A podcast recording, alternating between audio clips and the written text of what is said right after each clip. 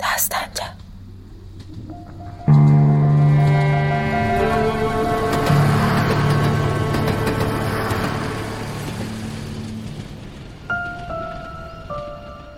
Səhərin alaca qaranlığında kənddən çıxmışdılar. İndi xırlı yoldan keçərək dağın ətəyinə yetişmişdilər. Kənd yavaş-yavaş yuxudan dururdu. Çoban itləri hürüşməyə başlamışdılar. Çörək şalını bir əl ağacına keçirib və çiynindən asan Məmməd qabaqda və ardıca Qulam xısıldayaraq dağın ətəyindən yuxarı çıxırdılar. Bu onların son 2 ayda hər günkü işi idi.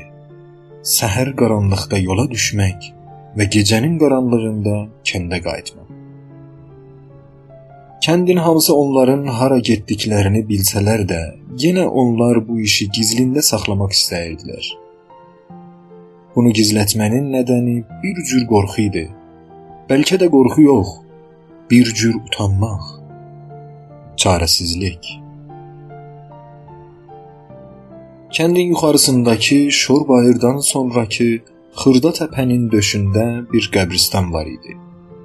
Qəbirlərin yönü quzeydən günəyə olduğu üçün oraya Qavur qəbristanlığı deyirdilər.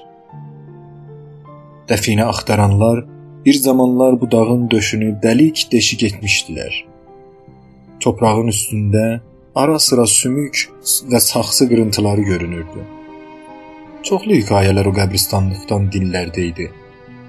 Və kəndin qocaları söhbətlərində çox zaman öncədən kətdən çıxmış və şəhərdə özünə dəmdəsgah quran Hacı Qafarı misal vuraraq elə o burdan adam oldu deyənlər olurdu. Bəzilər də olan səfehləmə, onlar dədə-babadan var dövlətli idilər. Orda bir zad olsaydı, dövlət oranı heç öz başına boşlar mıydı? deyirdilər. Yolun çətini bayırın başına çıxana qədər idi. Oradan sonra yarım saatlıq bir düzəngahlı yer və sonra da bir xırda təpənin qırağında qavur qəbristanlığı. Məmməd şor bayırın üstündən kəndə baxırdı. Günəşin taza çıxmış şüaları evlərin xırda pəncərələrinin şüşələrinə düşüb uzaqdan parıldayırdılar. Qulan dalıdan Məmmədə baxırdı. Məmməd yorğun görünürdü. Qulam yük altında qalan eşşək kimi niyə qıçların dolaşır? İndi yetişərik, dedi və sonra qah-qah çəkib güldü. Məmməd özündə idi. Evdə 9 aya yetişmiş hamilə və eyni halda naxuş arvadını düşünürdü. Dünən gecə ərinə deyirdi: "Sən Allah, get adam üzlü bir iş tap. Bax, uşağımız yoldadır. Buna necə baxacağıq Allah bilir. Keçən uşaq bir sadə üşümaqla sətəlcəm oldu, üzünə baxa-baxa əlimdə pərpər oldu. Arvadının gözləri doldu. Tövkəz xala o gün deyirdi uşağın qızdır, qız ruzulu olar. Get şəhrə bir iş tap, qalanına Allah kərimdir. Məmməd arvadına heç zət deyə bilmirdi. Onu boşu-boşuna o qədər umutlandırmışdı ki, daha özü də utanırdı. Utandığı gözlərindən bəlli idi, sakitliyindən. Düzəngahlı yeri soruşaraq qəbristanlığa yetişdilər. Məmməd ayağın qəbristanlığa qoyanda başladı Fatihə oxumağa. Qulam güldü. Məmməd də Fatihə oxuyaraq gülümsədi. Məmməd Fatihəni qutaracaq Hən, nə var? Yenə qub qoyursan, oxumamalıyam, dedi. Qulam dedi: "Yox, o qədər Fatihə oxucurul." Qulam qəbristanlığın kənarındakı yekə daşın altından odunları çıxartdı və ocağı alışdırdı. Ocağı qalaya-qalaya qəbristana baxırdı. Qulam dedi: "Məmməd, sən deyirsən haranı qazaq? O necədir?" Məmməd Qulam baxan yerə baxdı dedi: Görmürsən oranı bir seri söküblər? Bu yun dövrəsinə daşlar düzülən o dairə qəbri qazaq deyirəm. Və barmağını uzadıb uzaqda bir yeri göstərdi. Subhanəni yeyəndə Məmməd yenə kədərli və yorğun görünürdü. Qulam şuxluğa başladı. Olan bu gün burdan hacətimi almasam, mənə də öküz qulam deməsinlər. Qahqah çəkdi və tikəni barmağı ilə ağzına soxdu. Məmməd üzünə baxdı. Həqiqətdə öküzsən. Əlindən alan yoxdur, yavaş ye dedi, güldülər. Məmməd daşın altında quyuladığı küləngi və beli çıxartdı və göstərdiyi qəbrə doğru getdilər. Yenə başladı Fatihəyə. Qulama dedi: "Sən Allah, bu gün ağzına yaman gətirmə. Bir də əgər üstündə qusulzat var, sən kənarda dur, qoy mən işləyim. Qəbir murdar adama cins verməz." Qulam baş üstə imam bozuğu ağzımı təmiz saxlaram dedi və güldü. Məmməd başladı yeri qazmağa. Yer yumşaq idi və rahatlıqla qazılırdı. Qulam Məmməd qazdığı torpaqları bel ilə kənara atırdı. Yarım metr qazandan sonra torpaq yavaş-yavaş bərkidi. Qulam dedi: "Mən deyirəm bura bikirdir. Doldurma dəyir. Gəl vaxt keçmədən ayrı yeri qazmağa başlayaq." Məmməd onun sözünü saymazdan gəlib "Hələ dur görək nə olur" dedi və qazmağa davam etdi. Qəbir gah yumuşanır, gah bərkiyirdi. Göyün üzündə gün yarıya çatmışdı. Yazın sərin havasında gün onların üzünü oxşayırdı. Məmməd qəbrin içində dizlərini yerə qoyub və qazırdı. Torpaq yığışanda qulama gəl bunları eşiyə tök deyirdi. Küləngin ucu bir şeyə ilişdi. Məmməd həyəcanlandı və tez-tez qazmağa başladı. Çürümüş sümük tikələri çıxmağa başladı. Məmməd dedi: "Qulam, mən dedim bura bikir deyil." Bax sümük tikələri çıxmağa başladı. Qulam həyəcanla Məmmədin qazmağına baxırdı. Sümükləri eşiyə boşaltdı. Get-gedə qəbir yenə bərkidi. Məmməd susdaldı. Qulam dedi: Deyəsən bu kafir köpək oğlu da acından ölüb. Bir günümüzü aldı bizə biraz sürsümük verdi. Məmməd acıqlandı. Bəyə qərar olmadı yaman deməyəsən. Qorxma, ağzını yumsan ölməzsən, dedi. Məmməd deyinə-deyinə qəbirdən çıxdı və ocağın başına getdi. Ocağı qalamağa başladı. Qulam qazılan torpaqların üstünə tüpürdü və girdi qəbirə. Başladı qazmağa. Yer bərk idi. Qulam qazırdı və torpaqları eşiyə tökəndə fəqət başının qıvrın tükləri görünürdü. Məmməd ocağın başında oturub öz halında idi. Yenə yorğun görünürdü. Qumquma qaynamağa başladı. Məmməd qəbrə tərəf baxıb Qulama dedi: "Dur gəl bir tikə çörək yeyək." Qulam bu sözü güdürmüş kimi cəld qəbirdən eşiyə çıxdı. Süfrə başında heç danışmadılar. Qulam hər gün süfrə başında mırt edib, ondan bundan danışardı və yorğunluqları dağıdardı. Bu gün Məmməd bir ayrı əhvalatda idi. Qulam çox danışmağı məsləhət görmürdü. Tikələri ard-arda barmağı ilə ağzına itəliyib udurdu. İkisi də bellərini günə vermişdilər. Bir yandan yaz günün oxşayan istisi, bir yandan qarınlarının dolması ikisini də sustatdı. Məmməd Bir hüşlənək sonra durub işləyərək dedi. Uzandılar. Məmməd hər gün yorğunluqdan uzancaq yuxulardı. Bu gün nədənsə yuxu gözünə girmədi. Qulam yorğunluq bilməzdi. Elə bu üzdən ona kətdə öküz qulam deyərdilər. İkisi də uzanmışdılar. Qulam yata bilmədi. Durdu və mən gedirəm qazmağa. Sən istəsən biraz yat, dedi. Məmməd özündə idi. Gözlərini yummuşdu. Bir söz demədi. Qulam qəbrə girdi.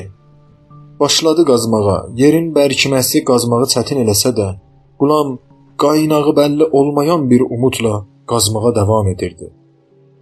Özü qazıb, özü yığışan xır torpaqları eşiyə tökürdü. Qəbrin içində oturub bir siqar alışdırdı. Belini qəbrin divarına dayayıb siqara dərin puklar vururdu. Tüstü qəbirdə fırlanıb yuxarıya çıxıb yox olurdu. Qulamın birdən qəbrin divarında bir şey gözünə dəydi. Çox kiçik bir saxsı tikəsi idi, yoxsa sümük mü idi? Dizləri istə divara tərəf çəkildi. Barmağının ucu ilə divarı deşləməyə başladı. Bir saxsı tikəsi idi. Yox, bir tikə deyil. Cibindən bıçağı çıxardıb gücü ilə saxsının dövrəsini qazmağa başladı. Çox diqqətli çalışırdı.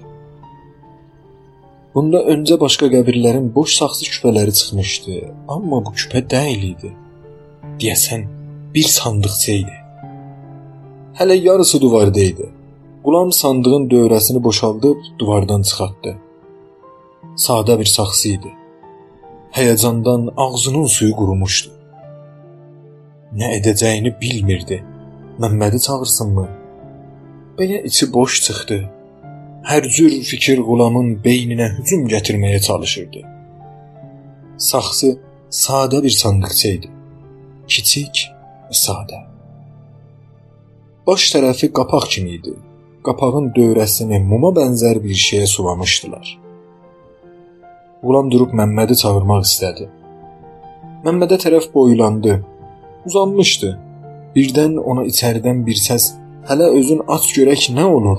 dedi. Qulam bıçağın ucu ilə qapağın ətrafını qaşımağa başladı. Bıçağın ucu hərdən qapağa ilişirdi. Qapaq yerində möhkəm idi.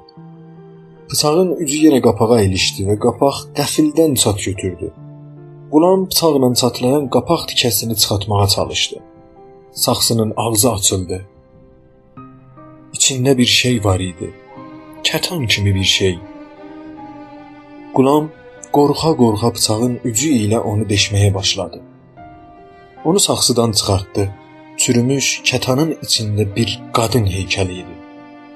Əllərini duaya qovzamış kimi bir qadın. Dodaqları gülüşlü bir mələk. Sap sarı bir heykəl. Qulam dəli olurdu. Nə edəcəyini bilmirdi. Bağırmaq istədi. Ağzı qupquru idi. Çığıra bilmədi. Dizləri tutmurdu ayağa dura. Ona nə olmuşdu? Yoxsa bu qadının tilismi mi var imiş? Qəbrin divarına çiynini dayaraq ayağa qalxdı. Ayaq barmaqlarının ucuna qovzanıb Məmmədə tərəf baxdı. Yatmışdı. Kiçik sandığın qırıqlarını eşiyə atdı. Heykəli əlində tutmuşdu. Qəbirdən çıxdı, Məmmədə sarı yeridi. Birdən dayandı. Dönüb qəbrə tərəf baxdı. Saxsı sandıqçanın qırıqlarını gördü. Geri qayıtdı. Qəbir başına gəldi və cəld qırıqları yerdən götürdü və barmağının ucunda yeridi. Məmmədin yuxuladığından mütməyin olmaq üçün yavaşca onu səslədi. Səsinə bir cavab gəlmədi. Saxsıları kənardakı qəbir torpağında quyuladı. Yenidən qəbrə girib düşünməyə başladı. Yaxşısı budur, bunu özüm yerbəyir eləyib Məmmədin həqqin verəm. Bu namərdsizlik deyilmi? Bu Məmməd yatarkən çıxıb. Bu yəni Məmmədin qismətində yox imiş. Əslən bir qadın neçə kişini xoşbəxt edə bilər? Bir qadın neçə nəfərin ola bilər? Qərar verə bilmirdi. Bu onun qazancı idi. Ayağa qalxdı. Qəbirdən boylanıb Məmmədin yatmasından mütməyin oldu. Kürdü şalvarının cibindən bir qatma çıxardıb şalvarını aşağı çəkdi. Heykəli qıçına bağladı və şalvarı üstə çəkib bərkitdi. Bu işləri bir göz qırpımında gördü. Qəbir divarındakı sandıqçanın kiçik boş yerini söküb dağıtdı. Qəbrin içində uzandı. Məmməd Qulamın bağırtısı ilə yuxudan daşlandı harda olduğunu və bu səsin nə olduğunu anlamaq biraz sürdü. Tez yerindən qəbrə tərəf qaçdı. Qulam qəbrin içində bir yumaq kimi yığılmış və əllərini qarnına qoymuşdu. Çığırırdı. Məmməd atıldı qəbrə. Nə olub? Nə oldu? Bilmirəm. Qarnım cırılır. Ölürəm. Axı nə oldu? Deyirəm adam kimi ye, tikələri bütün-bütün udursan. Hətmən tıxılıb mədənə. Məmməd Qulamın qolundan yapışdı və onu qovzamağa çalışdı. Qulam, dayan özüm yavaş-yavaş çıxaram dedi. Məmməd çıxdı. Eşikdən qolunu Qulama tərəf uzatdı. Qulam əlini tutdu, qəbirdən çıxdı. Əhilmişdi. Heykəlin şalvar altından görsənməsindən qorxurdu. Məmməd bir kəsədə su gətdi. Qulam biraz içdi, oturdu yerə. Mən ölürəm dedi. Elə bir içimi sökürlər. Məmməd nə edəcəyini bilmirdi. Çəkil, biraz uzan günə qabaq, düzələr indi, dedi. Qulam, yox, kəndə getməliyəm. Burada qalsam ölərəm, dedi. Məmməd dedi: "Havanın qaralmasına çox var indi. Bizi birlikdə görsələr nə deyərlər?" Qulam dedi: "Nə deyirsələr desinlər, cəhənnəmə ki." İstəsən mən özüm gedərəm. Sən qal biraz işlə, qaş qaralanda yola düşərsən. Qulam axsaya-axsaya yola düşdü. Məmməd tez onun yanına gedib, "Axı sən tək başına bu yolu bu durumda gedə bilməzsən" dedi. Qulam zarıldayaraq "Gedərəm" dedi. "Yaxşısı budur, ikimiz birdən getməyək. Nigaran qalma. Yavaş-yavaş gedərəm." Məmməd razılaşdı. Axı o Qulamla birlikdə görsənməsini istəməzdi. O evli biri öküz Qulamla nə işi ola bilərdi? Onları bir-birlərinə yapışdıran tək nədən Qavur qəbristanında qəbirləri sökmək idi. Tamam, sən get, mən də biraz işləyim. Belküləngi gizlədib dalıdan gələrəm. Mütməinsən tək başına gedə bilərsən dedi. Qulam, hən gedərəm dedi. Qulam Məmməddən uzaqlaşırdı. Deyəsən bədbəxtlikdən, fəlakətdən uzaqlaşırdı. Qəbristandan uzaqlaşırdı. Həyata doğru gedirdi. Axsayaraq mutluluğun qucağına yeriyirdi. Məmməd oturub Qulama baxırdı. Öz-özünə deyirdi: "Sağ-salamat kəndə yetişsə, bir də pox yeyərəm, bunu özümlə gətirirəm." Qulam təpəni açdı. Məmməd nigarançılıq içində idi. Və ya Qulama bir şey olsa, kətdə nə deyərlər? Xalqın uşağının başına nə gətdin deməzlərmi? Onu danlamazlarmı? Yox, kim nə bilir bunların birlikdə işlədiklərini? Məmməd bu fikirləri özündən uzaqlaşdırmağa çalışırdı. Bunu bacarmırdı. Bu fikirləri qapıdan qovduqca bacadan girirdilər. Onu ayaqdan salmağa çalışırdılar. İçində bir höyüşnə var idi. İçini dırnaqlayan bir höyüşnə. Oturdu və fikrə daldı. Özünə gəldiyində hava qaralmaqda idi. Tez qalxıb şeyşiyi yığıb və belkülüngü gizlətdi. Şalını ağaca keçirib yola düşdü. Şor bayırın üstünə yetişəndə kəndə baxdı. Kəndin çıraqları təkə-tük yanmağa başlayırdılar. Kəndin kənarındakı qəbrəstanda neçə kişi yığılmışdılar. Məmməd diqqətlə baxdı. Kişilər qəbir qazırdılar. Kim ölüb görəsən, dedi. Qulamı düşünüb dizləri sustaldı. Qulamın öləcəyini düşünə bilmirdi. Doğrusu inanmaya çalışırdı. Dizləri əssə də addımlarını yeyinlətdi. Bayırı yenib xır yoluna düşdü. Kəndə girəndə bir qapının önündə üç qadın durmuşdular. Məmməd başını aşağı salmışdı, amma qadınların onu başdan ayağa sözdüklərini səzirdi. O qadınlardan bir-iki addım aralandıkdan sonra qadınların biri "Yazıq, fikr eləyirəm hələ xəbəri yoxdur" dedi. Məmməd Bu sözdən Qulamın ölməsindən əmin oldu. Gözləri doldu. Dərə qırağından evinə tərəf döndü. Qapılarında gəlgit var idi. Qonşunun arvadı Məmmədin qabağına keçdi. Xala qurban, dayan, içəridə meyit yuyurlar. Allahın qurbanı olum. Birini alanda birini verir. Allah sənə bir ay parsası qız verdi. Məmməd heç nə eşitmirdi. Dizləri bükülmüşdü. Qonşunun arvadı hələ danışırdı. Qulam çantasındakı qadın heykəli ilə kəndin aşağısındakı yolda şəhərə getmək üçün gələn maşınları gözləyirdi.